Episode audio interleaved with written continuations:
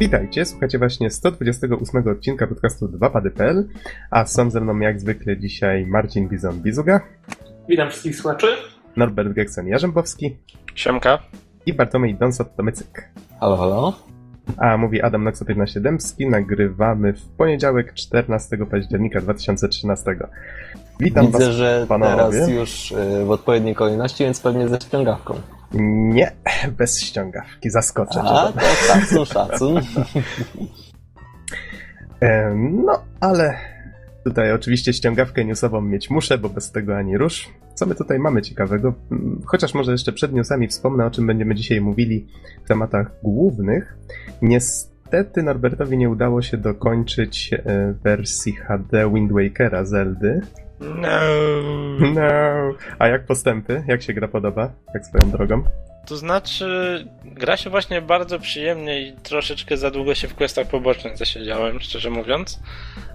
Ale moim zdaniem Zelda to, to, to nie jest ten gry, typ gry, który się przechodzi na szybko, no bo Mhm. ona ma taki swój powolny klimacik i, i trzeba to lubić i właśnie w ten sposób się nim delektować, więc no, gra się przyjemnie. Czyli jeżeli ktoś jest fanem Zeldy, to już teraz możesz polecić, tak? Tak, tak, zdecydowanie. Okej. A dzisiaj w takim razie Bizon będzie recenzował Far Cry 3 Blood Dragon. to w sumie. W sumie ciekaw jestem, co powiesz Bizonie na tej recenzji, bo to jest gra dość nietypowa, no ale to do tego jeszcze przejdziemy pewnie. I e, no, w sumie ja mogę troszeczkę powiedzieć o Pokémon XY, bo już zacząłem grać, ale to takie pierwsze wrażenia raczej będą. I Norbert, byłeś na Street Pasynaliach 2013. Tak, dokładnie. To nie wiem, może od tego zaczniemy, może nawet? No dobrze. Więc w ostatnią sobotę, 12, odbyły się Street Passionalia, czyli taki, można to nazwać, myślę, ogólnopolskim zjazdem fanów Nintendo, no i posiadaczy 3DS-ów przede wszystkim nawet. W zasadzie Mhm. to, tak sorry, że cię przerwę, ale można by zorganizować taki ogólnopolski zjazd posiadaczy Wii U. to byłaby dosyć elitarna impreza, powiedziałbym. Kameralna, tak. Wszystkie 100 osób, czy tam ile było? E, Ja słyszałem, że około 2000, no bo tamte statystyki czegoś nie uwzględniały. E. Właśnie od kogoś na, na tych Street Passionaliach, ale nie to wiem. znaczy tutaj- uwzględniały prawdopodobnie tylko kupione w Polsce egzemplarze. Tymczasem można się domyślić, że wiele osób sprowadzało też Wii U z zagranicy. Nie, poza tym wiem, że na przykład te, te, te firmy statystyczne takich sklepów jak Ultima na przykład nie biorą pod uwagę, tylko raczej coś bardziej jak Empik, jak MediaMarkt, te takie Mhm. większe, tak. No ale dobrze, to może nie rozwódźmy się nad tym, tylko wróćmy do Street Passionaliów. E, dlaczego posiadacze akurat 3DS-ów, a nie Wii U? Chodzi o tą całą ideę Street Passów, czyli no coś, o co w Polsce ciężko. Tych konsol nie jest aż tak dużo, no i ciężko na ulicy złapać jakiegoś Street Passa, choć zdarza się czasem. E, więc no, organizowany jest taki zjazd, e, głównie przez portal Deadly Serious, e, ewentualnie mocno przez niego wspierany. No i w związku z tym właśnie się tam wybrałem. W tym roku odbywało się to e, w Level Upie w Warszawie. W którym miałeś taki- już okazję być wcześniej. Tak, tak. To też za chwilę opowiem troszeczkę, co się zmieniło i, jakie teraz wrażenia. Mhm. No tak. No i cały w level upie, czyli w takim lokalu przeznaczonym dla, dla graczy. No i bardzo fajnie to w sumie wyszło, więc około 16 zjawiłem się właśnie przed level upem. E, No i że lokal dopiero co otwierali, nawet specjalnie wcześniej, normalnie jest od 18. No to musiałem chwilkę poczekać pod drzwiami, bo ludzie byli wpuszczani takimi e, jakby ratami.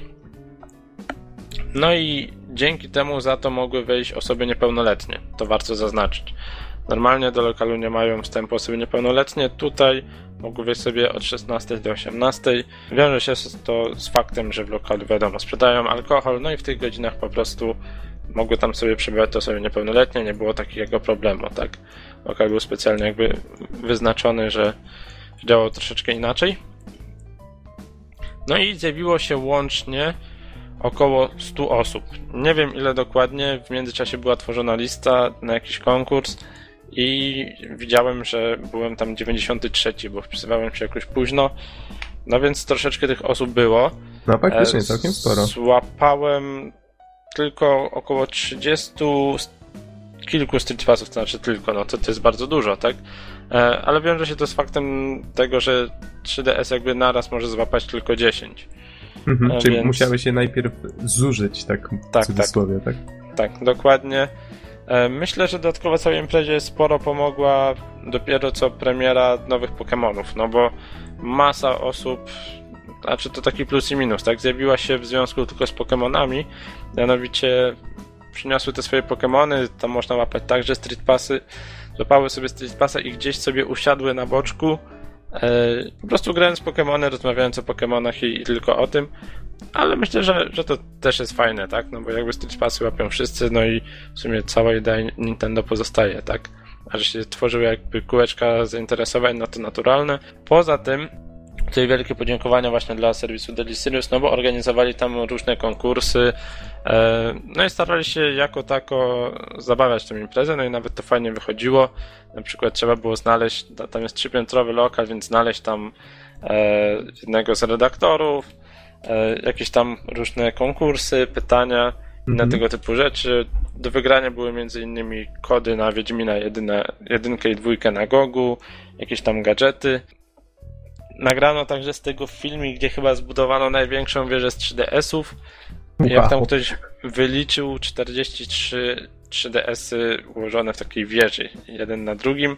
Przy czym ona była oczywiście asekurowana przez ludzi, tak? No, bo gdyby się to przewróciło, to. Ja bym się bał. Tak, tak. E, E, ale to fajnie, wiesz, że ta impreza, choć tak naprawdę te street passy są tutaj tylko zachętą, że ona tak się rozwinęła, że ludzie faktycznie tam przychodzą po to, żeby spędzić trochę miło czas w fajnym towarzystwie. No ja wychodziłem dość wcześnie, nie wiem do której tam to się działo, ale myślę, że wiecie, że co twardsi zawodnicy w takim pubie, gdzie później jednak alkohol sprzedawali, no to siedzieli dość długo. Już znali w Pokemony. I żegnali w Pokémony, a jak? Nie, no i ogólnie tak, no impreza bardzo, bardzo udana, fajnie. Zarówno ci, co chcieli sobie pograć, tak wiadomo, mogli posiedzieć dłużej, a ci, co lubią sobie pograć i poimprezować, też tam na pewno się mogli odnaleźć. Przyszła masa osób, masa, więc kogoś do pogadania bez problemu można było znaleźć. No tak, no i w sumie tyle, jeżeli o to chodzi. No polecam, za rok pewnie też się wybiorę, szczególnie jeśli będzie w Warszawie, nie trzeba będzie nigdzie daleko jechać, no to z chęcią. Mhm. A tak zaznaczę, że przyjeżdżali w sumie ludzie z całej Polski, no bo jak tak rozmawiałem, to ktoś z Poznania, ktoś jeszcze skądś tam indziej, więc, więc jest tego trochę. I to specjalnie na tę imprezę, czy Tak, tak, tak, jak najbardziej. O, ciekawe. No ale to też dobrze świadczy o tym wydarzeniu. Nie no Okej, wiesz, jak ludzie no. z Poznania mają jedyną okazję, żeby złapać jakiegoś street passa, zobaczyć jak to działa, no to... Ha, ha, ha, ha. Bez Nie, no, bez- przesady. Dokładnie, wiesz, chociażby teraz na Poznań Game Arena, no ja zabieram 3DS-a i liczę na kilkanaście street passów. No ja mówiłem, że tutaj jak był e, festiwal komiksu i gier w Łodzi, to 13 street passów złapałem jakoś jednego dnia. No, ja czas... A jak się nosi ze sobą na uczelnię 3DS-a czy gdzieś do pracy, to, to też się czasem zdarza. Niedużo, wiadomo, że to jest, nie wiem, dwa street passy na miesiąc, ale no zawsze coś. No, na Nie Politechnice no, ja, ja ostatnio widziałem w tramwaju, jak ktoś grał na 3DS-ie, więc są tacy ludzie. to nie jest To legenda. był jego, wiesz, Można ostatni raz, złapać. nie? Wysiadł, wysiadł już bez niego. Ja mogę powiedzieć, że na Politechnice Łódzkiej jeszcze pół roku temu były przynajmniej dwie osoby, które miały tego 3DS-a, a teraz nie wiem, jakoś nie mogę się na nie natknąć, więc... Hmm. Jedną z nich był Spierek, więc też coś na Spierka ostatnio trafić nie mogę. Okej, panowie, przejdźmy w takim razie dalej do newsów. O, myślę, że to, co teraz mam tutaj na tapecie, to Don chyba opowie, bo jest szczęśliwym zdobywcą darmowej gry. Wszyscy lubią darmowe gry. Mianowicie kojarzycie pewnie takie nagrody jak Golden Joysticks, Joystick Awards. No teraz już kojarzę. Te, teraz już, jest... teraz e, już kojarzysz, bo zafundowali sobie świetną marketingową akcję i zachęcili, znaczy ogólnie rzecz biorąc nagrody były przyznawane grom, które najpierw były przez nich, przez jakąś redakcję właśnie nominowane, a potem ludzie na nie głosowali.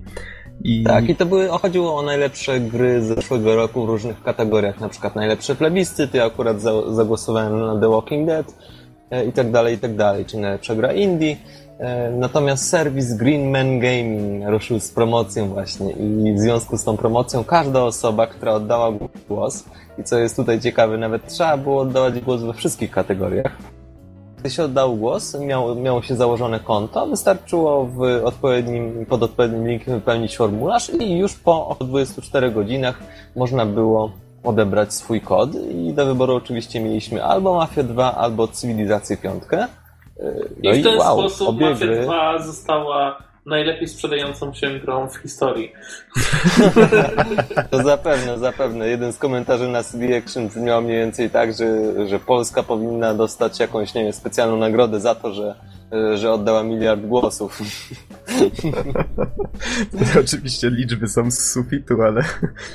Ale tak, tak mogło być w sumie. No ja w każdym razie zgarnąłem Mafię 2, jestem szczęśliwym człowiekiem teraz.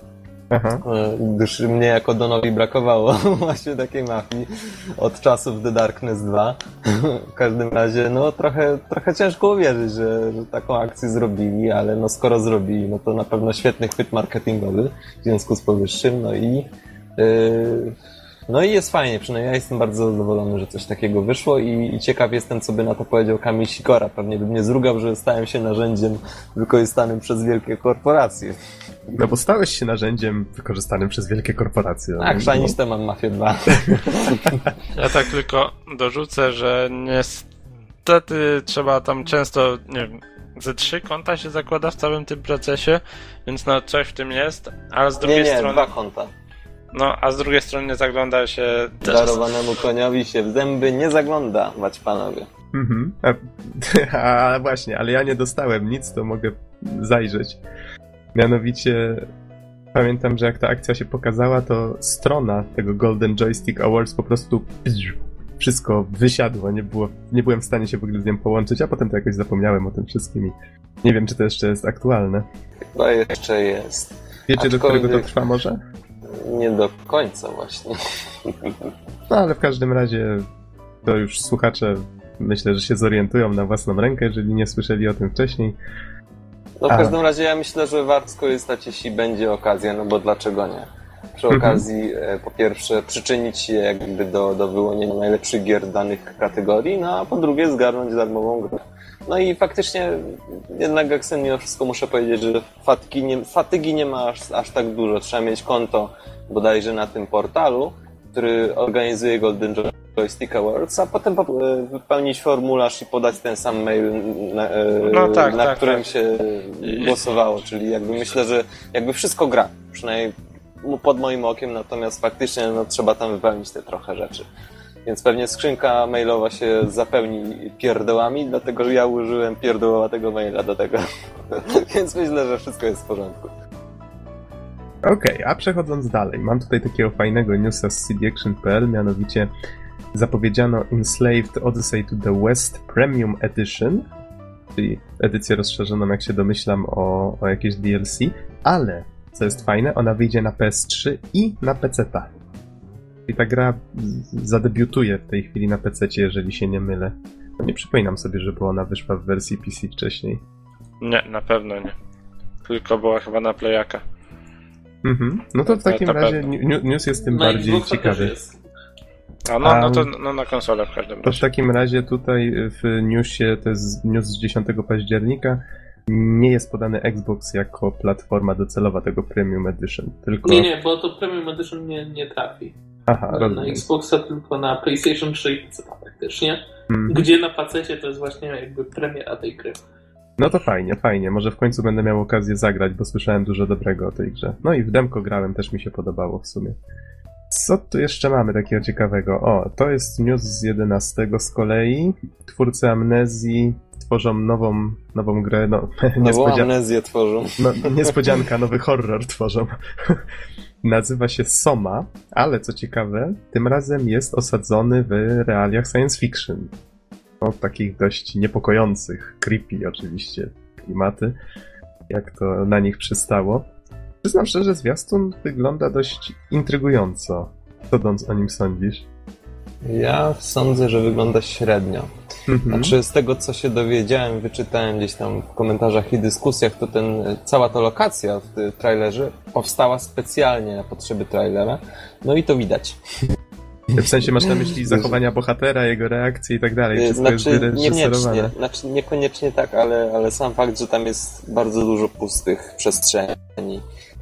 na dobrą sprawę jeszcze nie wiem, co, co, tak naprawdę sądzić o tej grze, dlatego że no, Amnezja jest szalenie dopracowaną grą pod wieloma względami, natomiast tutaj mamy no, taki trochę pusty poziom, kilka ciekawych animacji, e, kilka ciekawych motywów, ale no, poza tym raczej ja bym wstrzymał się z oceną i po prostu poczekał na, na coś więcej, a niestety mhm. przyjdzie nam czekać dosyć długo, dlatego że twórcy zapowiedzieli, że E, że projekt będzie ukończony w 2015 roku, co niektórych też bardzo mocno zdziwiło, że ale, akurat ale... aż tyle będziemy czekać. Aha, ale dodam do tego, że wyjdzie też na PS4 poza PC-tem.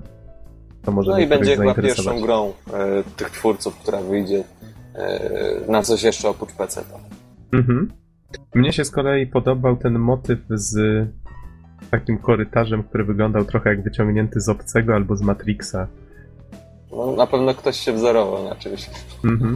Ale ciekaw, ciekaw Mnie najbardziej jak... natomiast zaintrygowało e, ten mężczyzna leżący na stole podłączany. Bardzo ciekawa rzecz właśnie poruszana jest w tej grze, a przynajmniej będzie, jak to zapowiadają twórcy, konkretnie jest kwestia samoświadomości maszyn, e, czy ulepszania ludzkiego ciała. Myślę, że to są dosyć ciekawe motywy i jeśli zostaną odpowiednio wykorzystane, to może faktycznie będzie coś ciekawego. Podejrzewam, mhm. że jeszcze chciałeś wspomnieć słówko o tym, że lokacje mogą ciekawie wyglądać. No, to już właściwie myślałem, że samo przejście się tam z moim poprzednim komentarzem dodało, no ale zostawmy tak jak mówisz. Yy, będzie można powiedzieć coś więcej, jak będziemy już wiedzieli o grze coś więcej. Zgadzam się tutaj, że te motywy brzmią fajnie i mam nadzieję, że wykorzystają je ciekawie.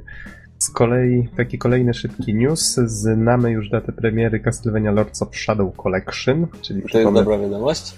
Oj, no oczywiście, że jest dobra. Znaczy, dla mnie tam nieszczególnie, bo ja jedynkę mam, która jest w tej paczce.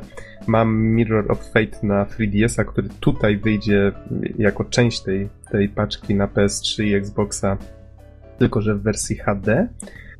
I jeszcze do tej paczki będzie dorzucone ekskluzywne demko dwójki. No tu aż tak zdesperowany nie jestem, żeby kupować te dwie gry, które już mam jeszcze raz. I demo. To, żeby, tak, żeby zagrać w demo. Aż tak zdesperowany nie jestem. Zwłaszcza, że domyślam się, że to demko jest dokładnie tym samym, które można sobie zobaczyć na materiałach wideo, chociażby z Gamescomu, czy nie, nie pamiętam, czy na E3 je też pokazywali. No ale w każdym razie myślę, że to, to będzie to samo chyba. Tak więc czekam na pełną wersję, która ma wyjść na początku przyszłego roku, bodajże w lutym, jeżeli mnie pamięć nie myli. Kolejny szybki news. Mianowicie. Doom Piano by Sos. No, o tym już żeśmy mówili tydzień temu. Ale to, to... jest tak niesamowite, że warto powiedzieć jeszcze raz. No, as you wish. Ja tu chciałem powiedzieć o Gabriel Knightie. Mianowicie gra niedawno skończyła 20 lat. Pierwszy Gabriel Knight, czy Gabriel Knight właściwie, przepraszam, od Jane Jensen. I w związku z tą pełną rocznicą ma wyjść remake tej przygodówki. Tutaj ponoć tworzony a wiecie, że zupełnie od zera. Gra na, a wiecie, że SOS gra w Duma na pianinie? Okej. Okay. Next one. Dokładnie. Co ja tu mam? O, news o Dark Souls. Ale właśnie, niestety... ponoć ma powstać komiks. No właśnie, tylko, tylko, tylko o komiksie niestety. Mm, zgadza się i ma on mieć premierę jakoś na początku przyszłego roku. O, już widzę w styczniu. Ciekawe jestem, ile razy bohater będzie umierał w, w trakcie fabuły w tym komiksie. To właśnie ze względu na to, że Dark Souls samo w sobie jest dość nietypowe jako gra, jako interaktywne doświadczenie, no to wydaje mi się, że w komiksie to raczej, wiesz, będzie raczej dużo zwyczajniejsze. Ale komiks ma się w każdym razie nazywać Dark Souls 2 Into the Light i tutaj cytując News of Selection.pl pracują na, nad nim pracują trzej obiecujący autorzy: Rob Williams, Star Wars Tales, Ghost Rider, Amazing Spider-Man, Simon Collaby, Rogue, Rogue Trooper, The Authority oraz Andy Ewington. 45. Pierwsi tutaj panowie mają też na koncie dobrze przyjęte Judge Dredd Trifecta. Koniec cytatu. Ja mam jeszcze tylko jedno pytanko. Czy, czy nie orientujesz się, mm, jaki będzie stosunek treści komiksu do fabuły samej gry? E, przyznam szczerze, że nie mam zielonego pojęcia, bo tak jak już zapowiedziałem, omijam wszelkie filmiki, zapowiedzi na temat Dark Souls 2 do premiery. To tak sobie postanowiłem i stwierdziłem, że będę się tego trzymał. Chcę mieć tyle niespodzianek, mhm. ile tylko możliwe. Właściwie widziałem Dziecko tylko niespodzianka. Pierwszy... Właściwie widziałem tylko pierwszy zwiastun. Od razu widzę, że zacząłeś czytać Wiedźmina. dokładnie, dokładnie. W zasadzie to już kończę, z mi ostatni tom. Mhm. E, I właściwie ostatni news, chyba że wy coś tam jeszcze znajdziecie ciekawego, to news e, od Square Enix, a mianowicie Square Enix, mianowicie firma zaczyna akcję, która ma się nazywać Collective. Po prostu kolektyw po naszemu. I to ma być akcja, która ma wspierać twórców niezależnych i jeżeli dobrze rozumiem, ma ona polegać na tym, że fani będą wybierać znaczy najpierw twórcy będą prawdopodobnie zgłaszać swoje projekty, następnie fani wybiorą te, które im się podobają i Square Enix potem będzie te z największą ilością głosów w jakiś sposób wspierać. Najpierw zweryfikują, czy zespół, który tworzy dany projekt ma w ogóle szansę go ukończyć. To myślę jest coś, co no, no jest tutaj raczej logiczne. Wiadomo, że to nie jest wcale takie proste i taki zespół musi mieć środki, ludzi, doświadczenie, prawda? Tutaj Square Enix, jeżeli się zorientuje, że oni są w stanie ten projekt zrobić, to oni dostarczą tą część finansową, żeby to udało się zrobić. A przynajmniej tak to rozumiem, bo widzę, że jest tutaj też wspomniane w newsie, że pomogą zorganizować kampanię na Indiegogo, więc możliwe, że oni nie tyle będą finansować per se, co po prostu pomogą zdobyć te pieniądze przez fanów. No to w sumie tak tutaj błędne koło troszeczkę. Ale... Myślę, że to jest bardzo sprytne rozwiązanie. W sensie mm -hmm. pomagają, ale, ale nie do końca. Ktoś inny da arbuza. Cytując znowu Wiedźmina. Każdym razie oni pomogą przeprowadzić tę kampanię, więc myślę, że to też będzie duża pomoc marketingowa pod tym względem. E, I potem pomogą doprowadzić ten projekt do szczęśliwego końca i go wydać, więc no, mimo wszystko jest to, myślę, duża, duża pomoc i niezła gratka dla twórców indie. E, I no i tutaj właściwie Square Enix podkreśla, że chcą w ten sposób znaleźć kolejne wielkie hity, nowych utalentowanych ludzi i tak dalej, i tak dalej. I w sumie jeszcze jedna ciekawa rzecz z tym związana to to, że może zacytuję z CDAction.pl i jeszcze jedna spółka zamierza udostępnić deweloperom kilka starszych marek Eidiosa, które będą mogli wykorzystać tworząc swoje gry. Koniec cytatu. To, to jest w sumie ciekawa informacja. Ciekawe. No, czyli prawdopodobnie trochę to będzie działało chyba na tak y, jak konkurs. Tak sobie to wyobrażam. Czyli, że powiedzą na przykład, że stwórzcie grę na motywach takich i takich. Jakiejś gry, która już powstała. Pewnie to będą jakieś stare marki dawno temu stworzone. Wątpię, Wiesz co, no w zasadzie coś... patrząc na całą sprawę ogólnie branży i Indii nieco szerzej, to yy, kurczę, bardzo wyraźnie widać i to jest aż tak szalenie mocno zarysowane, że, e, że Indie stało się teraz e, jakby lwią częścią rynku tak naprawdę. E, to już nie tylko są pojedyncze osoby czy dwu, trzyosobowe zespoły, które tworzą w garażu, ale te osoby mają swoje miejsce w branży, mają Greenlighta, mają wszystkie inne tego typu inicjatywy, mają Desurę, gdzie mogą publikować. Mhm. Mało tego, że publikują, mało tego, że ich gry są o wiele bardziej świadome, chociaż tworzone nieraz metodologią sprzed 10-20 lat, ale one fakt wpływają na rynek i to w sposób dosyć istotny, co jest kurczę dla mnie niesamowitą rzeczą po prostu. No, jeszcze myślę, że, że kilkanaście lat temu nikt by nie myślał o tym, że, że po prostu to będzie takie modne, a teraz teraz naprawdę indie myślę, że wpływa na, na, na całą branżę i to szalenie mocno. I myślę, że kolejne firmy coraz bardziej zdają sobie z tego sprawę i coraz bardziej zaczynają ten fakt wykorzystywać na swoją korzyść.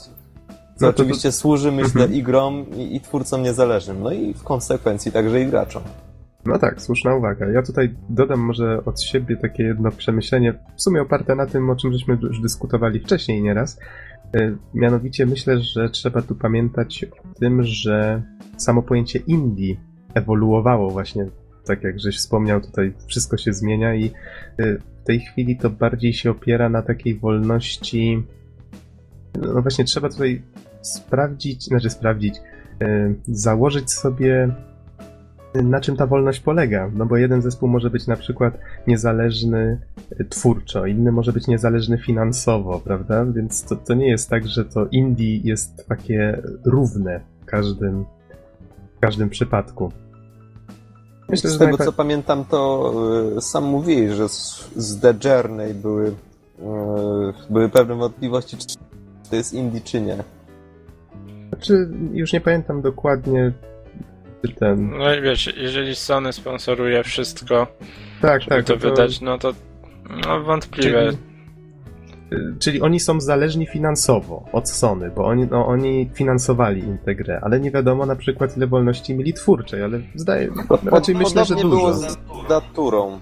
E, studio łódzkie Plastik zostało po prostu najęte do tego. I tak w sumie, kurde no, chłopaki robili od demo sceny grę, ale jednak mimo wszystko pod płaszczykiem Sony. No ale te, też mówili, że pewne zmiany musieli wprowadzić, że przyszli panowie w garniturach, no i że coś tam to się nie sprawdzi na tym rynku, może być obraźliwe tutaj, proszę usunąć to coś tam i... No pamiętacie, były takie ten wspominki. To, to Więc... chyba na którymś festiwalu komiksu i gier. Tak, tak. Dwa, 2012 albo 2011. To tak, wtedy tak. co ta kamienica obok zaczęła się palić. Tak, tak. wszyscy nagle się zarysowali czymś innym. Najbardziej zapamiętałem to właśnie z tej prelekcji. Ale ciekawie mówili, no. Faktycznie. No to wiesz, w porównaniu z tym, co, co przed chwilą powiedziałeś. No, tak, tak najbardziej zapamiętałem musiałem... tę kamienicę, ale ciekawie mówili. No, musi, musiałem, musiałem sprostować, żeby ktoś nie pomyślał, że kamienica mnie najbardziej zainteresowała. No dobra, panowie, co tam dalej mamy w newsach? A, to mogę tylko jeszcze dopowiedzieć a propos kolektyw, że y, więcej na ten temat będzie wiadomo na y, GDC Next, które się odbędzie 5-7 listopada. Game Developers Conference. Conference. A nie Game Development Convention? Czyli po prostu angielska nazwa zjazdu gier? O rany, ale namieszałeś. ale tak, tak, faktycznie zjazd twórców gier ma teraz taką angielską nazwę. Z tym samym skrótem. Mm, no to jest trochę, trochę mylące. A, właśnie, to przy okazji, skoro żeśmy o tym wspomnieli, no to zapraszamy naturalnie teraz w weekend 19-20 do Poznania. My z Donem na zjeździe twórców gier też będziemy mieli swój panel, który co prawda nadal przygotowujemy. Już jest w, w końcowych szlifach. tak. Miejmy nadzieję, że będzie gotowy na weekend. E, a będziemy prezentowali w sobotę o 18, tak? Dobrze pamiętam? Tak, to taki dosyć mało atrakcyjny temat. Tak, ale tak. żeśmy ja, się nie burzyli, że konkretne terminy muszą być. Następnym razem będzie powiemy, że, że ten, że my możemy tylko w sobotę rano i jak nie ma, jak nie ma dobrej konkurencji w postaci innych prelekcji w tym samym czasie. Oj, konkurencję, konkurencję mamy ostrą. A temat nasz to całego nie przytoczę, wstyd się przyznać, ale jak zmienić Cut the Rope w portal, tak? tak taki... O manipulacji zachowaniem gracza i odkryciami gracza. O, dziękuję bardzo. Bez tego powtórzenia gracza. W każdym razie, skoro mówimy jeszcze o ZTG, 10 października na stronie oficjalnej ukazał się news. Konkretnie niektórzy mogą pamiętać, że w poprzedniej edycji mieliśmy do czynienia z premierową polską wersją filmu Boże, jak się nazywał ten film? Ten o twórcach Indie. Yy, Indie twórcie... Game The Movie. O, tak. dokładnie. I tym razem w tym roku będzie inny film, konkretnie Minecraft The Story of Mojang.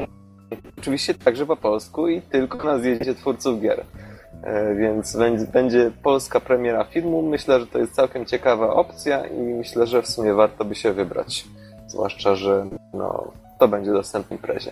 Mhm. Brzmi ciekawie, nie widziałem, przyznam szczerze. A dawno A, temu widzisz, się ukazał? Już wiesz. Dawno temu się ukazał ten film? Ten film? A nie mam zielonego pojęcia. A, musimy zbadać sprawę. Okej, okay, to jeszcze pod podcast wrzucimy trzy filmiki. A będą to pierwszy zwiastun z rozgrywki FIFA. I gdzie Gareth e, oczywiście kradnie co popadnie muszę przyznać, strasznie, coraz bardziej mi się podoba ta gra. Wygląda ślicznie, widać, że ma klimat. Oj, ostrzę sobie zęby na nowego Tifa, naprawdę. Y, kolejny filmik to Steam Controller, demonstracja, jak, jak wygląda właśnie nowy kontroler od Valve. Ale tak przy okazji. Jakie wrażenia? No właśnie, co sądzicie o tym, tak przy okazji? Właśnie, bo ja myślę, że ja powinienem się powiedzieć, wypowiedzieć pierwszy, dlatego że chyba ja byłem największym entuzjastą tego rozwiązania. No. Na, na ostatnim podcaście. To I może przypo powiedziawszy... przypomnij to, co jest największą cechą widoczną tego kontrolera, może jakby ktoś nie znaczy wiedział. to, co... E, tak, największą, najbardziej widoczną cechą tego kontrolera jest dwoje oczu. w zasadzie jest to zastąpienie po prostu analogowych gałek takimi e, touchpadami. E, I ja na poprzednim podcaście stwierdziłem, że w sumie to może być bardzo ciekawe, gdyż jeśli będę miał odpowiednio wysoką rozdzielczość, to dzięki temu będzie można uniknąć spowolnień, na przykład e, powodowanych gałkami, e, no i oczywiście uzyskać zarówno precyzję, jak i po prostu szybkość mhm. działania. No i cóż, przede wszystkim mam mieszane uczucia tak naprawdę, bo z jednej strony widać było, że, mm, że, że na przykład akurat kiedy ten tester nagrywał na portalu, to faktycznie musiał tak strasznie tego kciuka lewo, prawo, lewo, prawo, żeby po prostu się odwrócić w prawo. I to wyglądało na bardzo, bardzo mm, no, niewygodne. Natomiast y, już na przykład na teście, chyba na najnowszym Counter-Strike'u, y, w teście celowania i precyzji i szybkości, już momentami wyglądało to całkiem obiecująco, czyli no, nie jestem pewien. Myślę, że to jest kwestia po pierwsze przyzwyczajenia e, i, i po drugie wyregulowania, wyregulowania mm, czułości tych y, touchpadów, chociaż jak Gexen przed podcastem słusznie zauważył, troszeczkę przypomina to granie na telefonie dotykowym strzelankę, czyli po prostu trzeba ten ekran dotykać i tam suwać palcem, żeby postać się przesunęła, a no, to rozwiązanie nie jest zbyt wygodne, także, także mieszane mam uczucia. No ja się... Ja... No dokończ Norbert. No ja się właśnie, znaczy widać, że to wygląda bardzo przypomina granie na, na smartfonie. Te, te ekrany dotykowe na, smart, na smartfonie mamy je wirtualne, czyli mamy je fizyczne, taka różnica. E, w sensie te przestrzenie jakby dotyku, które wpływają na ruch. I no, jeżeli ktoś grał na telefonie, no to wie, że da się, ale na długie sesje no, nie jest to najwygodniejsze rozwiązanie. Można też się nauczyć pewnej precyzji, potwierdzam, ale jednak no, nasze, że to tak ujmę, paluchy są dość grube i czuły ekran dotykowy no, nie jest do końca zawsze precyzyjny. Ja też, oczywiście, jeżeli spędzimy przy tym masę godzin, no to na pewno człowiek się wyrobi, ale no na co dzień, no nie widzę tego, nie widzę tego do końca nadal, ale jak mhm. wiecie, jestem raczej sceptykiem, więc, więc też bierzcie moją, moją opinię z korektą. Mnie Wiecie się co, myślę, że... że... No, to jeszcze dokończ. Do, dokończę myśliko. Y, wydaje mi się, że bez wypróbowania tego sprzętu samemu tutaj e, raczej możemy się mocno minąć z prawdą, tak tutaj sobie spekulujemy tylko, ale mnie trochę nie podoba się ten pomysł właśnie, o którym tutaj żeście mówili, że to przypomina touchpad, że trzeba suwać tym palcem i tego się w sumie najbardziej obawiam, bo jak patrzę na, ten, na tą pokazówkę, to cały czas odnosiłem wrażenie, że że to wszystko mógłbym robić zwykłym padem, a tam na gałkach nie muszę suwać palcem, tylko przesuwam palec, prawda? Te gałki działają jakby tak, nie może to kwestia przyzwyczajenia ale na razie Albo, patrzę tak na to jak powiedziałem, e, wyregulowania ostrości, w sensie pości. Nie, nie. Na tym portalu było faktycznie, no, y, poruszał ta, y, palcem po całym tym touchpadzie, czy tej wirtualnej gałce, a postać poruszała się tylko o kilka stopni, więc, no, znaczy ta kamera, więc no, to nie wyglądało przyjemnie. A, ale tego się właśnie chodzi o tą precyzję palców, tak, że palce masz dość grube i i ciężko jednoznacznie wskazać punkt dotyku i w związku z tym pewnie specjalnie nastawili małą ostrość, żeby tego nie było widać. E, bo jeżeli nastawisz większą precyzję, to albo musisz się starać, żeby dotykać tylko koniuszkami palców, co też nie jest wygodne, e, a cokolwiek byś nie zrobił, to i tak, jeżeli chcesz wykonać kilka obrotów w prawo pod rząd, no to musisz oderwać w pewnym momencie palec i, no i na chwilę nie masz kontroli. A co jeżeli Valve rozwiązało ten problem? Tylko tego w nie widać. Sposób? Nie wiem. Widać, no bo co chwila podnosi ten palec i, i opuszcza. No tak jak na telefonie Aha. się gra. Mhm, okej. Okay. No dobrze, panowie, to wiecie, na razie możemy sobie tak spekulować, no ale zgadzamy się co do tego, że jesteśmy sceptyczni póki co, tak? No, są pewne wątpliwości, e, właśnie, czy... ja widzę światełko w tunelu drobne. Yy, ważne jest tylko, żeby to światełko w tunelu nie okazało się dwoma światełkami albo trzema światełkami w tunelu, bo może się okazać, że to jest pociąg w tym tunelu. Okay. Nie byłaby dobra wiadomość. Łapiemy aluzję. Yy, wiecie, co zapomnieliśmy o kimś Bizonie? Tak, słucham was. Co ty sądzisz o Steam Controller?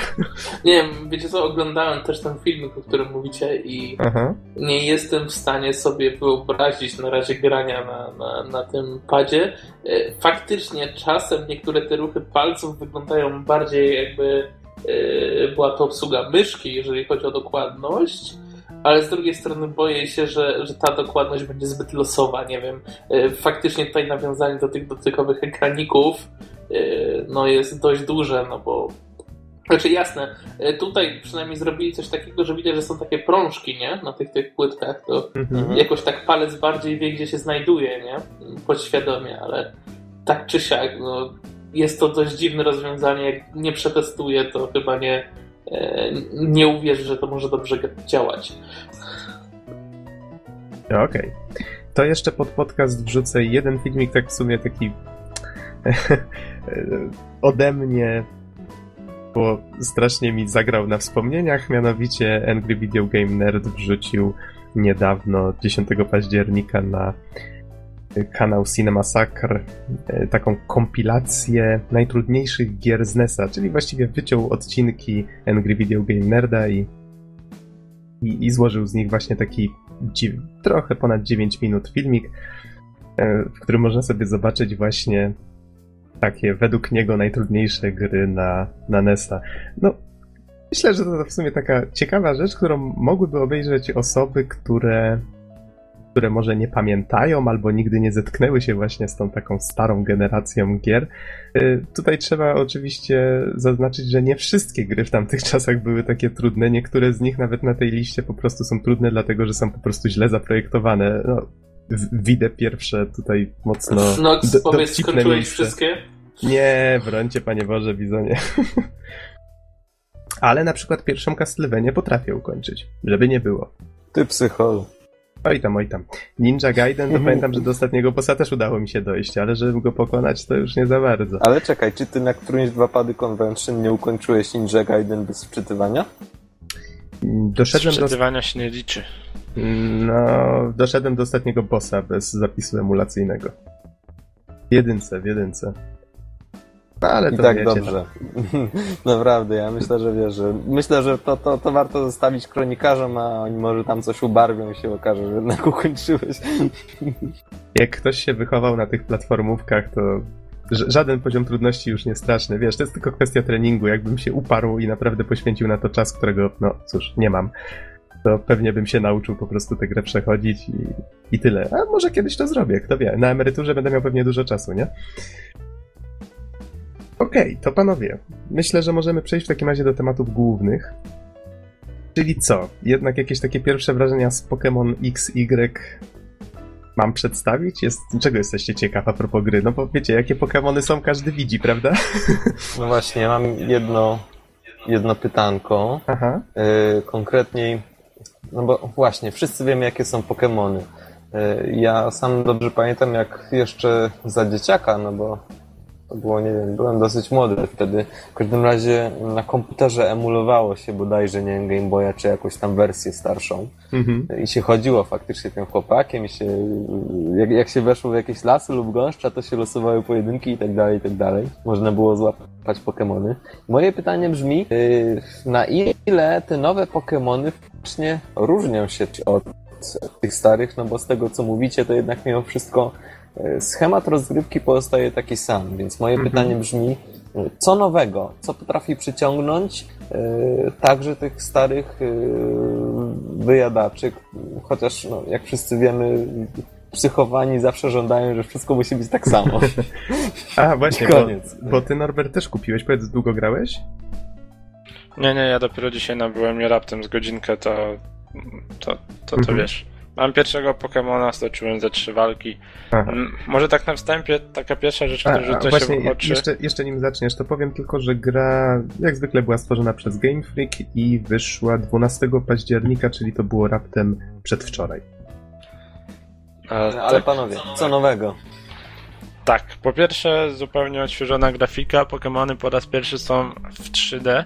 Mhm. Tutaj warto zaznaczyć, że po świecie poruszamy się dalej w 2D, za to walki są w 3D i to wszystko znaczy... to zostało przeniesione, tych 600 poków, czyli nawet ponad w 3D takie no jako modele 3D i mamy grafikę mhm. w 3D. To znaczy, żeby tutaj nie, nie zamieszać z tym pojęciem 3D.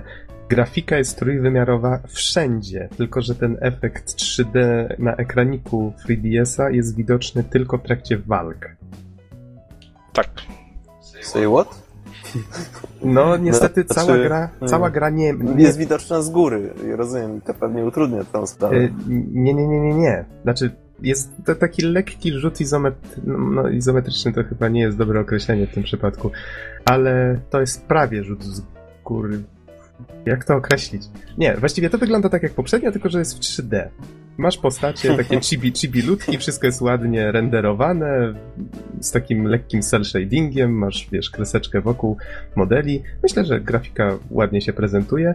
Tak jak wspomniał Norbert, wszystkie poki są zrobione w 3D, tylko że na ekraniku 3DS-a tą głębię ekranu widzisz tylko w trakcie walk. To jest mhm, na pudełku no nadmienione. Na tym ma... rzucie po prostu nie ma szansy. Jak zobaczyć tych głębi? Nieważne jak się bawisz suwakiem ekranu i tak widzisz wszystko na płasko. Jak, że tak I Gexem wtedy. Nie. No. po co ja kupowałem opcję z 3DS? Mogłem kupić 2DS. Nie no, walki są dalej w 3D. No ale w każdym razie, żeby, żeby tutaj nie przedłużać pierwszych wrażeń, to co nowego? No grafika to już Norbert wspomniał. Ja tutaj przy grze spędziłem też niewiele więcej, ze 3, może 4 godzinki. Zdążyłem odebrać swojego drugiego Pokemona, bo tutaj nowy profesor, już nie Oak, tego pamiętamy. Już zmarł. no po tylu latach, no. Nie, nie, w tym przypadku mamy zupełnie nowy y, rejon, który jest w tym przypadku y, inspirowany Francją. Wygląda nawet kształtem na mapie troszeczkę jak Francja. Twórcy ponoć wyjechali do Francji właśnie, żeby zrobić research i różne motywy właśnie zapożyczyli. I w sumie fajnie, bo ten świat jest taki dość barwny. Myślę, że mocno zyskał. Te domy są takie jakieś kolorowsze, ładniejsze. Kiedyś to wszystko było takie raczej nijakie, a teraz nabrało jakiegoś takiego ciekawego settingu. Więc to akurat mi się podoba. I no i właśnie mamy nowego, nowego profesora, właściwie nie doktora, i od niego dostajemy tym razem dwa Pokémony. I właśnie drugiego dostajemy, jak dotrzemy do stolicy te, tego państwa. I, I akurat ta, ten drugi zestaw to są stare, dobre Charizard, Bulbasaur i Squirtle, więc te, też tak troszeczkę wspomnienia no się budzą. Jeszcze mhm. jedno pytanko odnośnie no nowych Pokémon. No bo ja myślę, że skoro to już jest wersja XY, to zapewne są jakieś nowe generacje Pokémonów. E, no i jak to wygląda? Czy, czy, czy są jakoś zachęcające? Czy, czy tych nowych Pokémonów jest dużo? E, oczywiście na tyle, na ile grałeś i na ile Słuchaj, się ja... czy to jest po prostu mocno widoczne. Don, ja ledwo musnąłem ten Pokédex. 35 może czy 6 widziałem, a ich jest chyba ponad 700. Więc naprawdę... No, kolejne generacje tych Pokémonów. To, to Kiedyś tak, było że... 100, pamiętam. To były piękne czasy, kiedy 100, było 100 Pokémonów. 151. Tak, no. to, to wtedy był, to był początek. Tylko, że widzisz, jak ktoś grał w każdą część, to pewnie nie odczuł tego tak jak ja, bo ja tak naprawdę chyba od wersji na GBC, nie wiem, na GBA chyba ją tylko widziałem, nawet nie pamiętam, czy w nią grałem. To od tamtej pory właściwie nie grałem w Poki. Więc teraz odpaliłem i właściwie co jakiś czas widzę jakieś znajome twarze, w cudzysłowie, ale, ale w większości to są jakieś nowe, dziwaczne stworki. E, walki są właściwie po staremu. System walki jest banalny, uczymy się nowych ciosów. Jeżeli mamy już ich listę przepełnioną, to, to wtedy je e, wtedy nadpisujemy te ciosy i właściwie tyle. Rozwijamy te swoje stworki, całą tą ekipę. I właściwie czym się gra różni, tak może skupmy się tylko na tych takich nowych feature'ach, to, jest, to są pierwsze Pokémony, które mają połączenie z internetem. Możemy się w dowolnym momencie połączyć z siecią i wtedy widzimy na przykład e, passers-by, osoby, które niejako mijamy po drodze i tam mamy wymienionych tych e, Japończyków, Koreańczyków, um, wszystkich. To, to może tak sprostuję, że to nie są pierwsze Pokémony, które mają połączenie z internetem, no bo te poprzednie też miały, e, tylko takie stałe i oprócz tego, z tego co się orientuję, można sobie grać z tymi passersbyami w jakiś sposób i rozmawiać poprzez 3DS-a równocześnie. Mhm, to można na przykład wyzwać kogoś na pojedynek, wymienić się z nim Pokémonem. Właściwie jest dużo różnych opcji, których w ogóle nie zdążyłem wypróbować. Ktoś mnie raz próbował wyzwać na pojedynek, ale nim zdążyłem potwierdzić, to już się chyba rozmyślił. Mm. Z takich jeszcze innych fajnych rzeczy wprowadzili Pokémon Bank, czyli wcześniej, jeżeli zmieniałeś grę na nową, to musiałeś albo ręcznie przenosić te Pokémony, albo jakoś, nie wiem, kombinować. Teraz, jeżeli masz ten bank, to jest takie konto, do którego możesz sobie wrzucać Pokémony i niezależnie od odsłony, do wszystkich nowszych odsłon będziesz mógł je przenieść, te poki swoje. Jeszcze raz, jeszcze raz, dobrze usłyszałem? Będziesz mógł przenosić między kolejnymi grami Pokémony swoje? Tak, obecnie też to możesz robić, tylko jest to takie dość niewygodne i tam to jest związane z minigierką, że każdego Pokemona to musisz tam w minigierkę grać, a t- teraz ma być to zrobione w końcu w taki sposób wygodny, że faktycznie możesz je kolekcjonować i sobie do banku wrzucać. Wow, czyli jeżeli w tej grze zdobędę na przykład 100%, to już w następnej będę zaczynał z tą setką procent, tak? Znaczy Pewnie oni robią to też tak, że nie możesz się od razu do takiego miejsca dostać. I, tylko żebyś sobie, wiesz, pochodził. E, z tego co pamiętam, w poprzedniej odsłonie to było w około 70% można było, e, czy, czy 50% ukończenia gry można było gdzieś tam się dostać już w to miejsce, tak? Do przeniesienia. Mhm. A może, a może to było po ukończeniu gry? W każdym razie chodzi o to, że, że jest to sprytnie zrobione do tego Rozumiem. stopnia, mhm. żeby ci nie zepsuło rozgrywki w danej części, tylko kiedy już się bawisz w tą kolekcjonerkę taką typową, no to wtedy, wtedy możesz tam się dostać. Nie wiem, czy to nie było dopiero po ukończeniu gry przenoszenia w, w X-ach, no e, to... przepraszam, w Blackach. To miałoby sens. W każdym razie jeszcze z takich rzeczy, które po raz pierwszy widzę i chyba są nowe, to Pokémon Ami, czyli taki zestaw właściwie mini gierek polegający na tym, że Pokemona, Pokemon, którego mamy właśnie wyekwipowanego, możemy, no nie wiem, pogłaskać go, możemy go nakarmić, możemy zagrać z nim w jakąś mini gierkę zręcznościową, krótką, która nagradza nas właśnie tymi smakołykami, którymi możemy go potem karmić i tak w kółko to się kręci. I właściwie to jest takie Tamagotchi. Nabijają się temu Pokemonowi wtedy e, poziom głodu mu Punkty się zmniejsza. miłości czy coś tam. Tak, tak, dokładnie, to w ten sposób działa. I właściwie jest jeszcze coś takiego jak Super Trainer, czy, czy jakoś tak to jest nazwane. To polega na tym, że y, mamy. To w sumie jest ciekawe i cieka... znaczy zastanawiam się, jakie to, jakie to może mieć wpływ właśnie na rozwój swojego stworka, bo mamy tam podane statystyki, siła, energia, tego typu rzeczy i możemy mamy taki worek treningowy i Pokémon co minutę wykonuje jedno uderzenie w niego. Jeżeli włączymy tego super trainera, no to ten Pokémon będzie tam sobie stukał w ten worek treningowy i co po jakimś czasie powiedzmy yy, pojawi się jakiś taki magiczny worek, który jeżeli mu podmienimy, no to na przykład stukanie w ten drugi worek mu tam zwiększa jakąś statystykę. Możemy też mu pomóc w tym pukaniu, w ekran, pukając w ekranik, żeby szybciej ten worek yy, ten worek pakował, no i wtedy te statystyki rosną mu szybciej, ale to jest tylko taka bardziej ozdoba, bo pod tym wszystkim leżą kolejne minigierki, tym razem polegające na e, strzelaniu w takie wielkie balony pokemonowe. I tam, jeżeli niszczymy te balony, to w zależności od tego, jaką konkurencję tam żeśmy wybrali, jaki balon, to e, też rozwijamy mu konkretną e, umiejętność, tylko tym razem o, o wiele więcej, jeżeli dobrze pamiętam. Czyli innymi słowy, możemy sami wybrać, jakie statystyki chcemy zwiększać swojemu Pokemonowi. jest tam taki pasek, który się zapełnia i domyślam się, że jak on się zapełni do końca, to już nie możemy więcej brać w tym udziału. Jest, Pokemon jest uznany za wytrenowanego na maksa. Czyli dopóki ten pasek się zapełnia, możemy wybrać, czy chcemy na przykład mu zwiększać HP, czy zwiększać mu yy, powiedzmy zadawane obrażenia, tego typu rzeczy. Więc jest to w pewnym sensie wpływ na to, jak Pokémon się rozwija. Tak przynajmniej mam nadzieję, że to działa. A to jeszcze wspomnę, że oprócz tych minigierek e, lokalnie można jeszcze wysłać Pokémona do tak zwanego Global Link, gdzie mamy kolejne minigierki, że on sobie niby mieszka w jakimś tam świecie, w chmurkach i, i tam można sobie grać w przeglądarce wtedy. E, I jeszcze, no, kupujecie, krótko mówiąc, wielki kombajn do grania, kupując Pokémony. Tak, zgadza się. O, zapomniałem jeszcze o jednym. Dodano coś takiego jak, y, jeżeli dobrze pamiętam, mega ewolucje. Czyli tak jak wcześniej Pokémony ewoluowały, tak teraz jeszcze mają jeden poziom ewolucji, który się nazywa właśnie Mega Evolution. I żeby go uzyskać, no właśnie ja ani razu go jeszcze nie uzyskałem, dopiero się dowiedziałem, że coś takiego istnieje, musimy mieć jakiś kamień do tej mega ewolucji i ta ewolucja może nastąpić tylko w trakcie walki. Tak? I ona się cofa po walce, z tego co mi wiadomo. Tak? Tak. O, to ciekawe. To, to jest takie tymczasowe, z tego przynajmniej jeżeli dobrze to zrozumiałem. Też tak słyszałem, więc, więc coś w tym jest.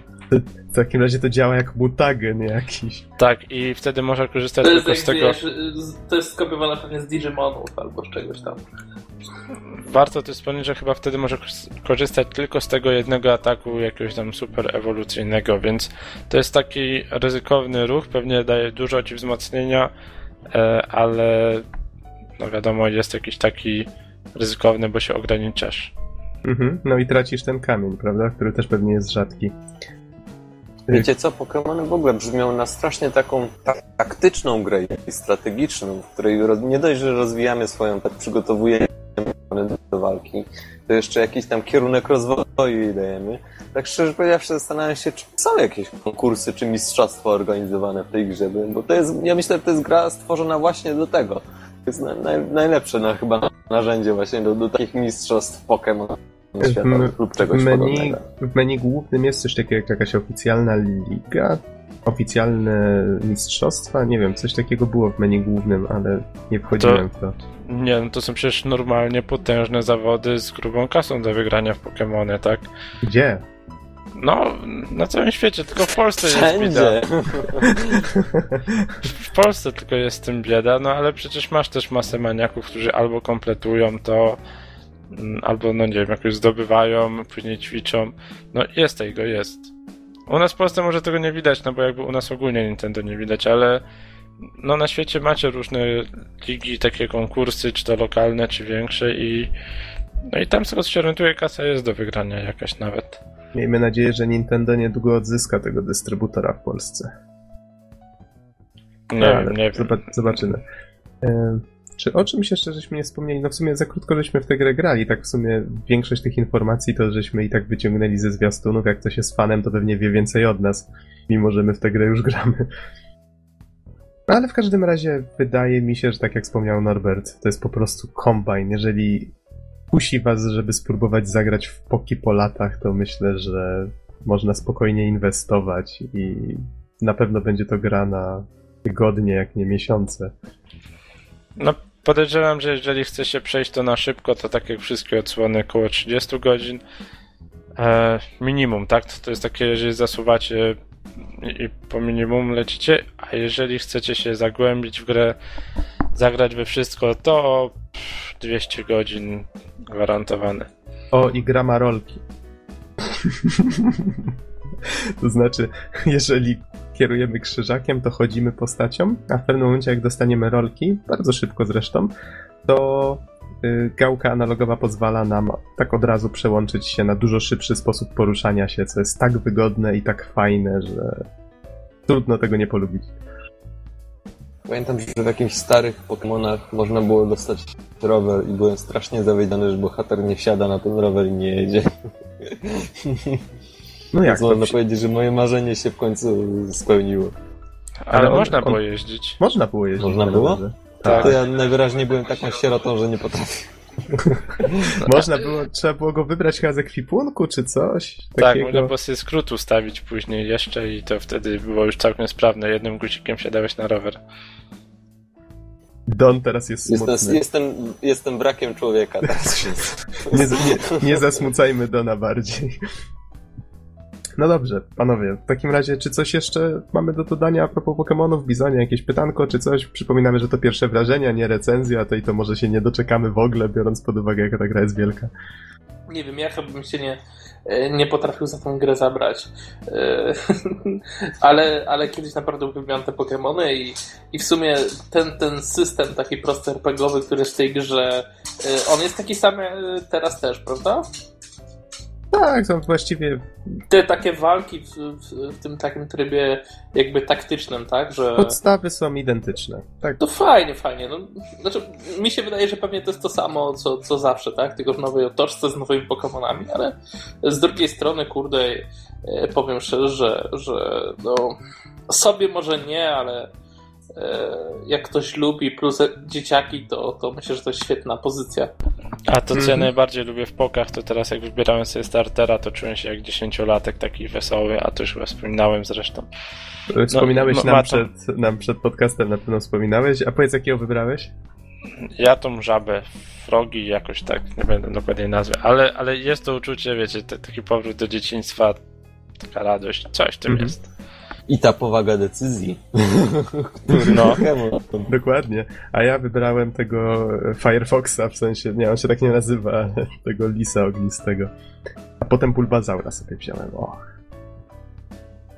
No dobrze, panowie. W takim razie myślę, że możemy skończyć już mówić o pokach przejdźmy do Far Cry 3 Blood Dragon, Bizonie, to A ja może, może wam troszkę jeszcze przerwię w międzyczasu, no, no. bo ja mam taki temat, który dotyczy bardziej mnie i chciałbym, żeśmy tutaj jakby na ramach podcastu, żeście mi troszkę pomogli, bo jak wiecie, no premiery konsol są już e, tuż, tuż. Aha. A ja cały czas nie wiem, w co bym chciał zagrać na tej nowej generacji. Ale ty kupujesz Xboxa One, to mnie nie pytaj. No, Titanfall. Nie o, pytaj, nie pytaj. No, jakieś tam pojęcie o rynku gier na bieżąco macie, więc... No, Norbert w sumie rzucił Chciał, tytułem, Chciałbym, faktycznie. żebyście y, jakoś mnie może naprowadzili. Titanfall. Aha. Titanfall. A, a tam ta gra o Rzymie? Y, Rise, Rise, Risen, Rise, Rise tak. było. Son of W każdym razie no Call of Duty w Son of Rome. Call of Duty w starożytnym Rzymie na znaczy, coś, to, to myślę, się, że warto sprawdzić. To się wydaje niby nie tą pozycją w sumie. Boję się, że będzie strasznie krótka, wiecie. Nowa konsola, spory wydatek, nie? I tak dalej. Wkładasz grę i 5 godzin po zabawie, nie? Tego, tego się trochę boję, nie? Titanfall hmm. będzie miał pewnie fajne multi, takie już widziałem, że to jest podobne troszkę do, do tych starych Unrealów, więc może być fajne. Tak, z mnóstwem twistów i, i fajnych mecho podobnych. A, a w ogóle to nie jest jakoś tak nastawione, że to jest domyślnie w multi, coś, tak, coś tak. takiego tam... Tam chyba singla w ogóle nie ma, albo jest, ale taki dodatkowy. No, to, to, tak to, to nie dla mnie. Ja się nie potrafię przestawić na granie tylko w multi. Znaczy... Jakoś mnie to denerwuje. Y, mhm.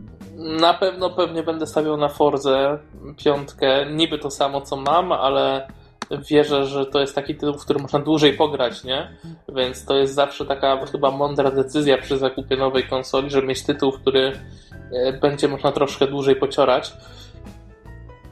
Cały czas kusi mnie ten Dead Rising trójka. Mhm. To jest całkiem fajne, ale też tak troszkę spoglądam jednym okiem na te Watch Dogsy. Jedną głową, Bizonie, ile ty masz głów? Powiedziałem jednym okiem, ale spoko. Bo się poprawiłeś. Myślę o tych Watch Dogsach. Co, co? Myślicie, że warto kupować Watch Dogsy? Grę, która wychodzi też na obecną generację, na nową generację? Hmm, to jest dobre pytanie, ale tak od siebie powiem, że mnie Watch Dogs jakoś przestały interesować w pewnym momencie. Podobał mi się pierwszy zwiastun, który pokazali, a potem jakoś moje zainteresowanie powoli zaczęło opadać. Czy, nie wiem, no bo może, może po prostu lepiej inwestować tylko w ekskluzywy, no. Czyli, czyli faktycznie może ten e, RIS e, tutaj... Czy RISE? Czy nie, wiem, jak, nie wiem, jak to się czyta. Nie, nie użyję dalej Son of Rome, motherfucker. No bo co, no. Ej, masz, no, na dobrą masz tak. sprawę, to więcej tych gier w dniu premiery teoretycznie nie będzie. Jeszcze zostaje Lego Marvel Super Heroes, mhm. FIFA 14 co nikogo.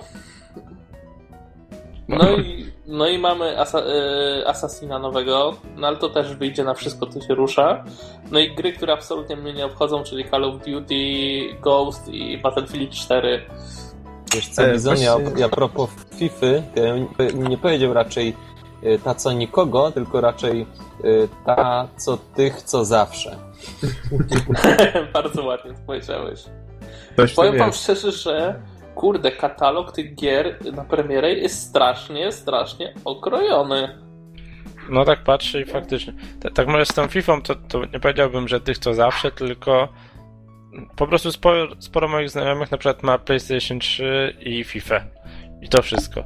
Się lubię sobie popykać, no, ale to są takiego... osoby, są osoby, które grają w FIFA i osoby, które te, tego typu gier nienawidzą i to. No, chodzi mi o to, że po prostu no, jako taki facet, który lubi sobie obejrzeć meczyk, to, to sobie kupi konsolę po to, żeby grać w FIFA, tak?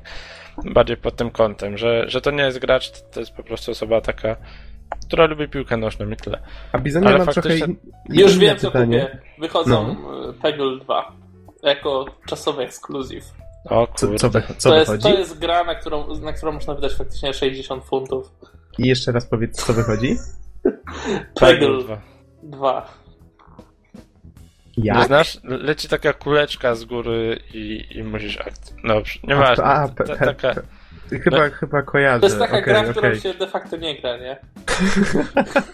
to, to okay. tam, tam w sumie wszystko dzieje I się guess. samo, nie? I ty sobie, y, ty tylko wybierasz moment, w którym wylatuje kulka. To, to nawet nie jest jak w fliperach, już potem nie odbijasz tej piłeczki, ona leci sama. Okej. Okay. To, to jest Bizonie, całość. Ze względu na to, że czas nas goni, to ja mam takie jedno ostatnie pytanie. Mianowicie, kiedy jest premiera Xbox One? 22. Października? Listopada. Listopada. Już myślałem, Boże, jak, ten czas, jak ten czas leci. A, a PS4 kiedy miało premierę? Jakoś niedługo po. Będzie miało chyba 27? Wow, ale będzie konkurencja. Ostro będzie. A, a na PlayStation co, co jest warte kupienia, tak w momencie premiery? Hmm. No dobra, poru, przyznam, poru, przyznam porównajmy się, w takim razie. Przyznam się, że się nie, nie orientuję. A... Znaczy, na pewno na pewno z takich ekskluzywów to... Tylko nie wiem, czy one wychodzą jest z dniu FIFA premiery. 14, czyli to samo. Call of Duty Ghost, e, Aha. Watch Dogsy, Battlefield 4, Assassin's Creed. To jest to, co się, e, że tak powiem, pokrywa. No. I tutaj troszkę lepiej, bo wychodzi ten Killzone e, Shadowfall. Ale no to tak. jest też Strzelanka, taka gra. Strzelanka jak każda inna, tylko ładnie powiem, wygląda. że, że premiera jest 29. Aha. Czyli tydzień po, po Xboxie. E, do tego wychodzi Knack, który jest całkiem fajny. Taka gra dla, dla no dużych i małych. Dużych Aha. i małych. Wychodzi ten Drive Club do tego. No. Mamy, mamy Need for Speeda jeszcze Rivals, ale to pewnie na Xboxa też jest. Tak, tak jest. Ale w momencie premiery to jest na pewno? E, no tak mam tutaj na Amazonie napisane, więc mhm. yy, więc pewnie, pewnie tak. Jakiś Jazz, Jazz Dance nowy. To też jest na Xboxa. NBA 2, 2K14, tak. Też na Xboxa.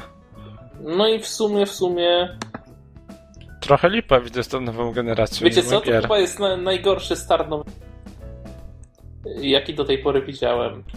Mogę powiedzieć śmiało, że Nintendo miało lepszy. Sorry, ale było chociaż Mario to, to 2D, coś tam jeszcze dorzucili na start. Aha. No ale ten. A ja, ja, coś słyszałem, że niedługo po starcie premiery ma być też beta mm, Deep Down. Albo na start? Nie jestem pewien. Nie pełna, tylko beta. No ale wiesz. To, to, to na, nadal niewiele, nie? Ale powiedzmy sobie szczerze, zawsze warto poczekać troszeczkę z kupnem konsoli, bo to trzeba poobserwować, Czekałem jak się sytuacja 7 rozwinie. 7 lat, od, od kilku lat na podcaście mówię, że, że już wychodzi Xbox i co? No to, dobrze. To, to, to jak teraz wyjdzie, to mam go nie kupić? No dobrze, jest no. usprawiedliwiony. Kup, no. ale może poczekaj, mogę ale nie kupuj gier. W ogóle nie kupuj gier. Kup... Nie, nie. Po świętach konsola poleci pewnie z 10 albo 20% w dół cena. Znaczy wiesz, no, u nas i tak nie będzie premiery i tak, ja tak muszę sprowadzić tą konsolę. Siemasz, mam nadzieję, że mnie nie zawiedziesz. Pozdrawiamy się Masza z Checkpointu. A przy, przy, okazji dziękujemy za, te, za poki, bo ja tam u Siemasza kupowałem poki, się zaopatrywałem. Polecam, polecam. Dobrze, Bizonie, słuchaj. Yy, Far Cry 3 albo odkładamy na następny podcast, naprawdę. Nie no, bo... lecimy, lecimy. Ja, no to ja, lecimy. Nie, ja nie lubię długo recenzować.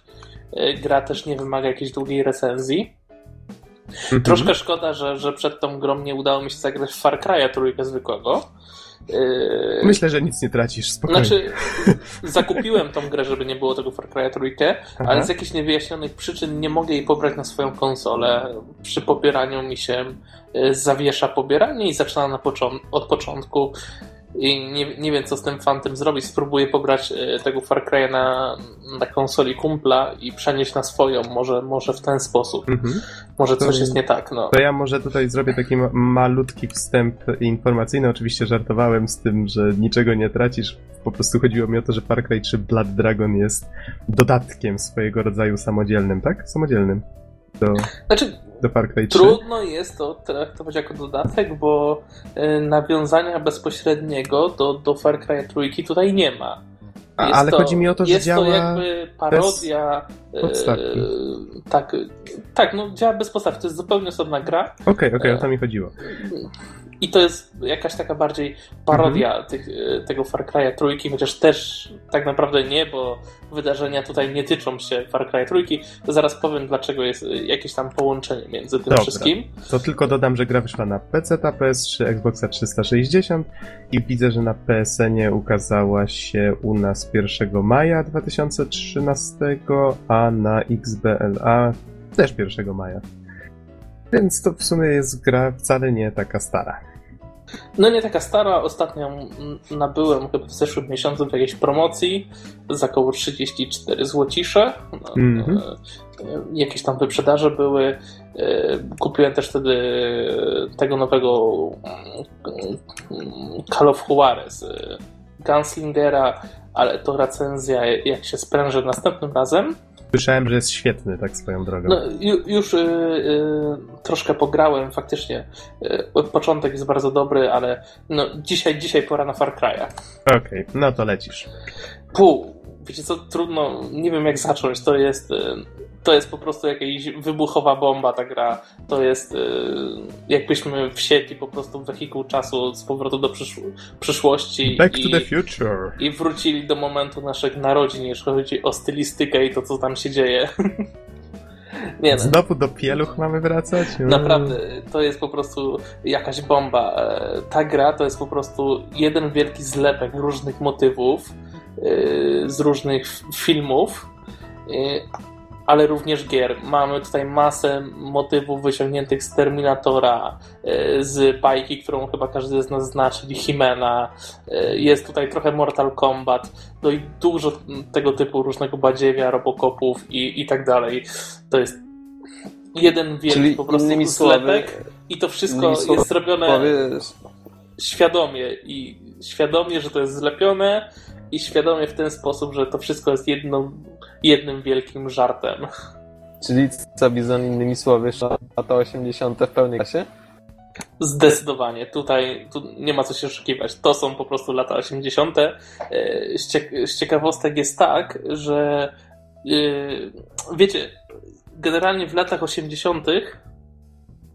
Y, przyszłość typu rok 2007 wydawało nam się wie, taka bardzo futurystyczna i tak dalej, że będzie nie wiadomo co. Tak samo też fi filmy przedstawiały. Pamiętacie, w filmach rok 2000 któryś to już było, wiecie, szaleństwo, nie? Technologia i tak dalej. Back to the future, latający Żyjemy w kosmosie, te sprawy. I tutaj jest dokładnie, dokładnie to się właśnie dzieje, czyli yy, nawiązując do tych filmów z lat 80., yy, akcja gry dzieje się w roku 2007, czyli de facto już w przeszłości, ale wszystko jest dużo bardziej zaawansowane technologicznie niż jest to naprawdę teraz, nie? Genialne. Yy, czyli ktoś zrobił świetny naprawdę zabieg z tą całą sytuacją. Świat stoi na skraju bomby atomowej, a my trafiamy na jedną z tropikalnych wysepek, gdzie, jak to się okazuje, e, trwają badania nad bardzo potężną bronią biologiczną. Jak można stać na skraju bomby atomowej, chyba wojny atomowej? Wojny, wojny. Słyszałem Ale też bomby. można na skraju bomby stać. No wiesz, no, nikt ci nie zabroni, nie? Stanąć na pocisku. No tak. I teraz tak, jeżeli chodzi o tą wyspę, tutaj jakby pojawia się największe nawiązanie do Far Cry'a trójki, mhm. w którego nie grałem, ale jestem w stanie sobie e, go jakby przez tą wyspę wyobrazić, bo nie oszukujmy się. Ta gra to są po prostu zarąbane z Far Cry'a trójki asety, jest wyspa, są na pewno te same trawy, te same drzewa, te same pojazdy. Do tego stopnia pojazdy są te same, że nawet jak siadamy do Jeepa, to e, w Far Cry trójce na wielu skinach widać, że są takie, wiecie, panienki, takie e, hulaj, e, hawajki, nie? Takie, co się trzęsą w samochodach. To tutaj nawet nikt nie wyciągnął z tych modeli, nie? One tam no, też są. Takie figurki takie te figurki, więc tego nikt nie zmieniał i właściwie mogę się założyć, że 90% modeli w tej grze to są te same modele, które są użyte w Far Cry trójce, tylko wszystko zostało pojechane jakimś dziadowskim filtrem, który zmienia absolutnie kolory całego otoczenia. I, I tutaj już minus na wstępie, bo jest to troszkę męczące, chociaż nadaje niesamowitego klimatu. Czy wszystko jest tak jak na plakacie różowe? Wszystko jest takie pomarańczowo-fioletowato-różowate, tylko że widać, że te elementy nie są specjalnie robione pod to, tylko to wszystko jest, wiecie, fil jakiś filtr kolorystyczny jakby e, robi robotę z tych normalnie przygotowanych elementów. Mm -hmm. Przez to to wszystko nie jest takie wyraziste do końca, jak powinno być, a na całość ekranu jeszcze nakładać taki filtr przeplotu, wiecie o co chodzi? Ciemna, jasna linia na zmianę. Tak, tak, jak na Taka, starych telewizorach. Tak, tak bardzo delikatnie i to cały czas jest nałożone na, na, na ekran. I mówisz, że to troszeczkę może męczyć. Grze, tak, troszeczkę jest... męczy, bo gra jest, gra jest przez to dość ciemna Aha. i nawet jak, jak na wyspie jest dzień, to wydaje nam się, że jest noc, a jak jest noc, to już w ogóle jest ciemno. noc do kwadratu albo nox innymi słowy, ale co chciałem Ej. powiedzieć... no przecież nox to, to, to, tyle co noc w łacińce. No tak, e, Ale co miałem powiedzieć, to to wspomnieliście właśnie o tym efekcie telewizora. Mm, faktycznie jest to mocno widoczne, ale z tego co widzę na gameplayu, w czasie ładowania gry e, jest jeszcze takie king.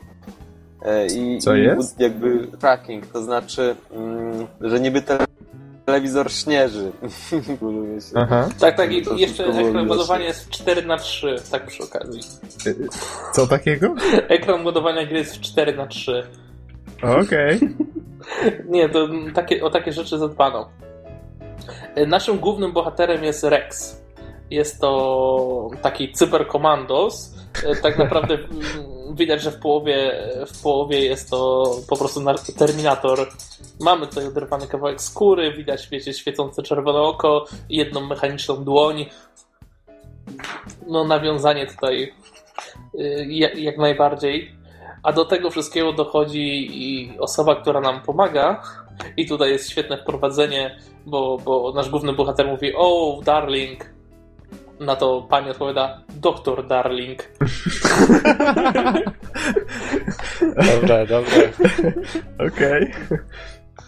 No i generalnie nice fabuła wszystkiego e, zakraje się wokół tych tytułowych krwawych smoków, które to właśnie one mają stać się tą bronią biologiczną E, które ma zakończyć jakby konflikt tak, na świecie, ale no e, nie od tej dobrej strony, zdecydowanie. A, a, ale mówimy tu o takich smokach jak ze Skyrima, takie latające ze skrzydłami? Znaczy, one bardziej przypominają dinozaury tak naprawdę.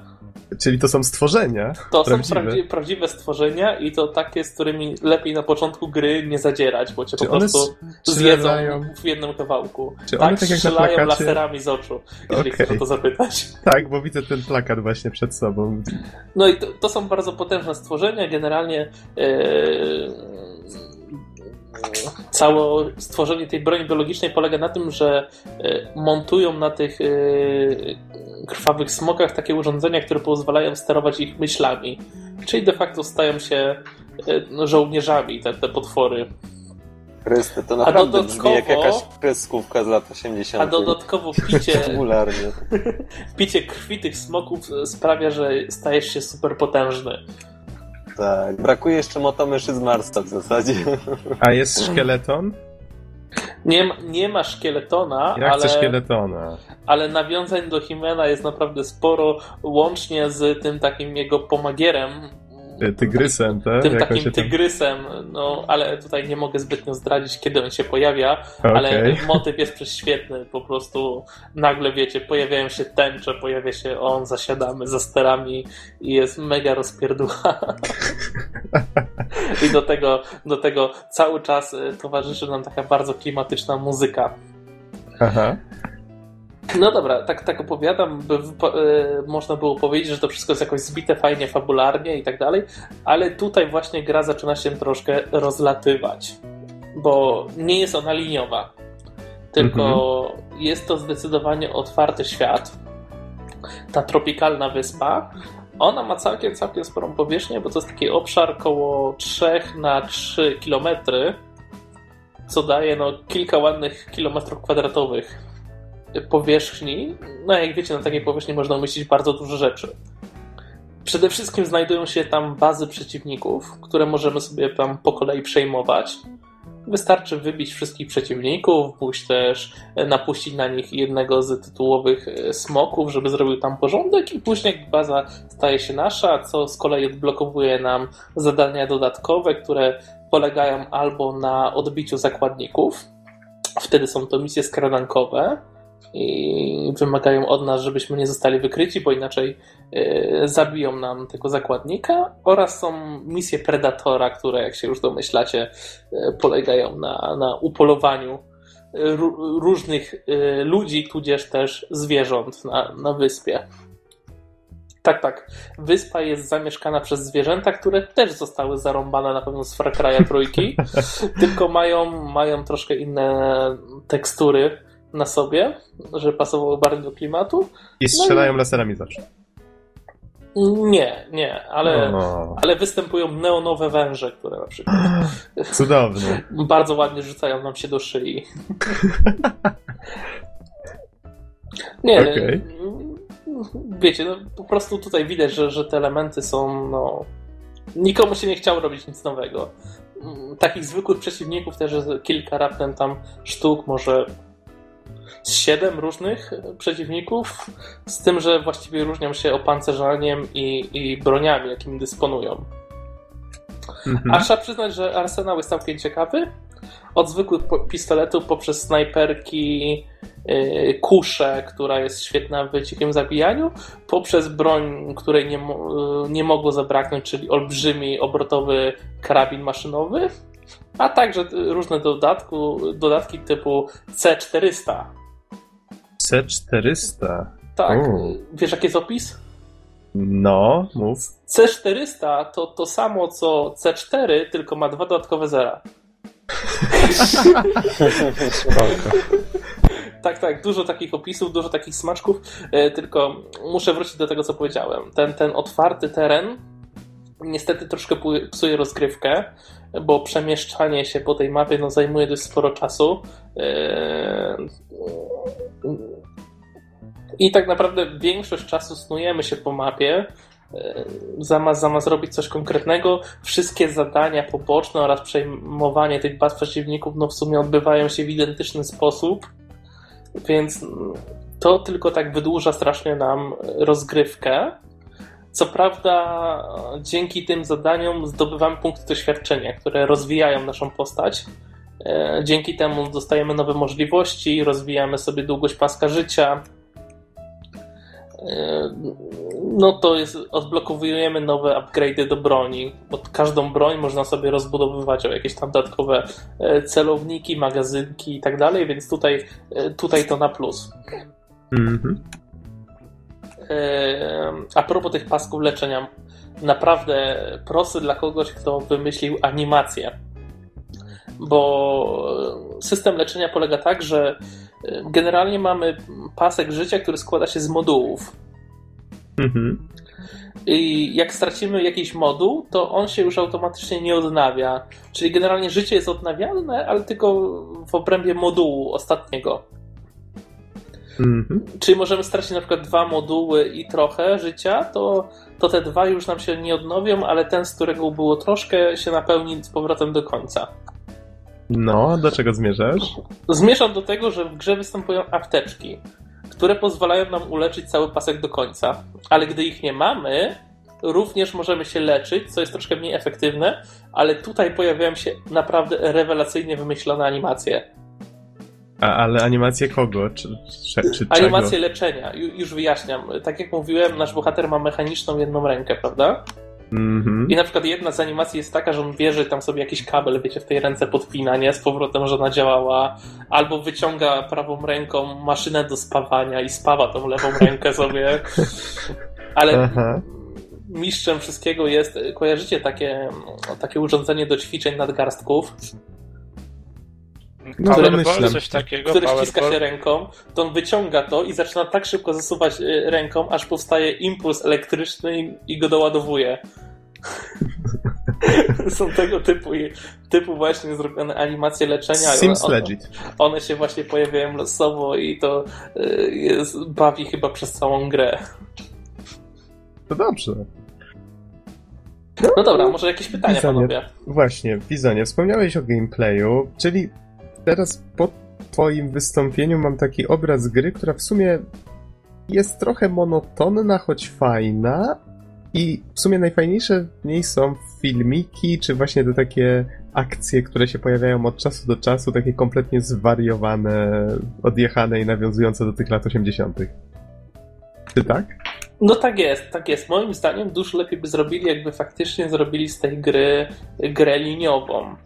-hmm. Bo w grze jest 7 misji, tak, takich głównych, fabularnych.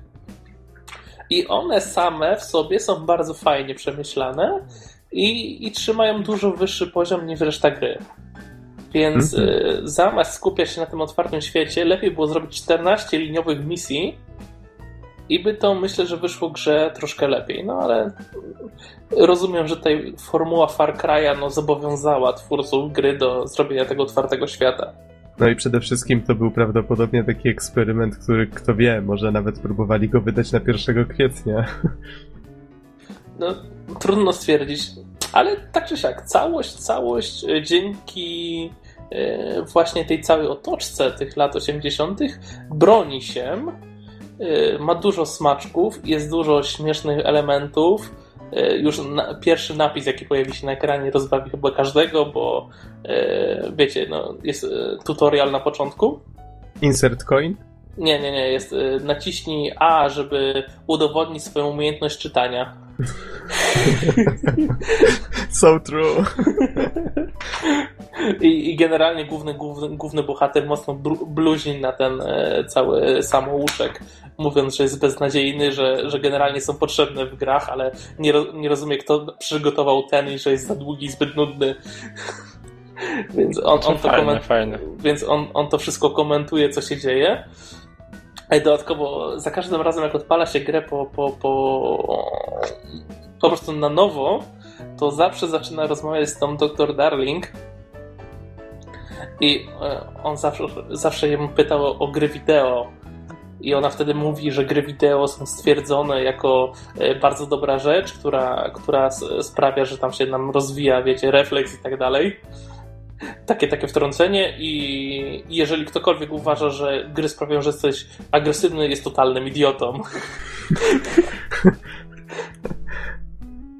no, tego, tego typu smaczków w grze jest naprawdę sporo i mm, ale z drugiej strony. No, brzmi bardzo przyjemnie. Brzmi przyjemnie, gra się przyjemnie. Całość zajmuje koło e, no, 7-8 godzin, żeby wymaksować cały tytuł, co też nie jest taką małą ilością, zważywszy, że to jest tak naprawdę taka minigierka e, no, w porównaniu pewnie do pełnoprawnego Far Cry'a. Mhm. No dobrze, panowie, w takim razie jakieś pytania do Bizona? Chyba nie. Pytań brak. Ja pamiętam, że jak ta gra została zapowiedziana, to wszyscy autentycznie myśleli, że to jest dowcip. Bo to było tak głupie i zwariowane, że no, come on. A tu się okazało, że to jest prawdziwa gra. Jeszcze były jakieś tam y, akcje, pamiętam, że chyba y, rosyjscy hakerzy wykradli, tak? Tą, tą grę czy coś wcześniej, przed premierą ale to nie, już mogę źle pamiętać. Były jakieś takie dziwne akcje, nie wiem, może to były marketingowe jakieś zagrywki. W każdym razie. To jeszcze jedna rzecz, do której się troszkę doczepię. Aha. Gra z początku jest dość trudna. ale bardzo szybko wraz z wbijaniem poziomu w postaci robi się po prostu e, zbyt prosta.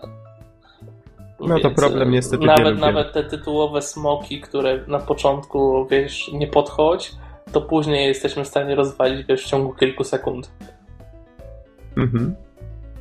A to myślę, że chyba na, na odchodne mogę jeszcze powiedzieć, że y, nawet jeżeli ktoś nie ma zamiaru, czy po prostu nie ma czasu zagrać w samą grę, to obejrzyjcie sobie chociaż zwiastun.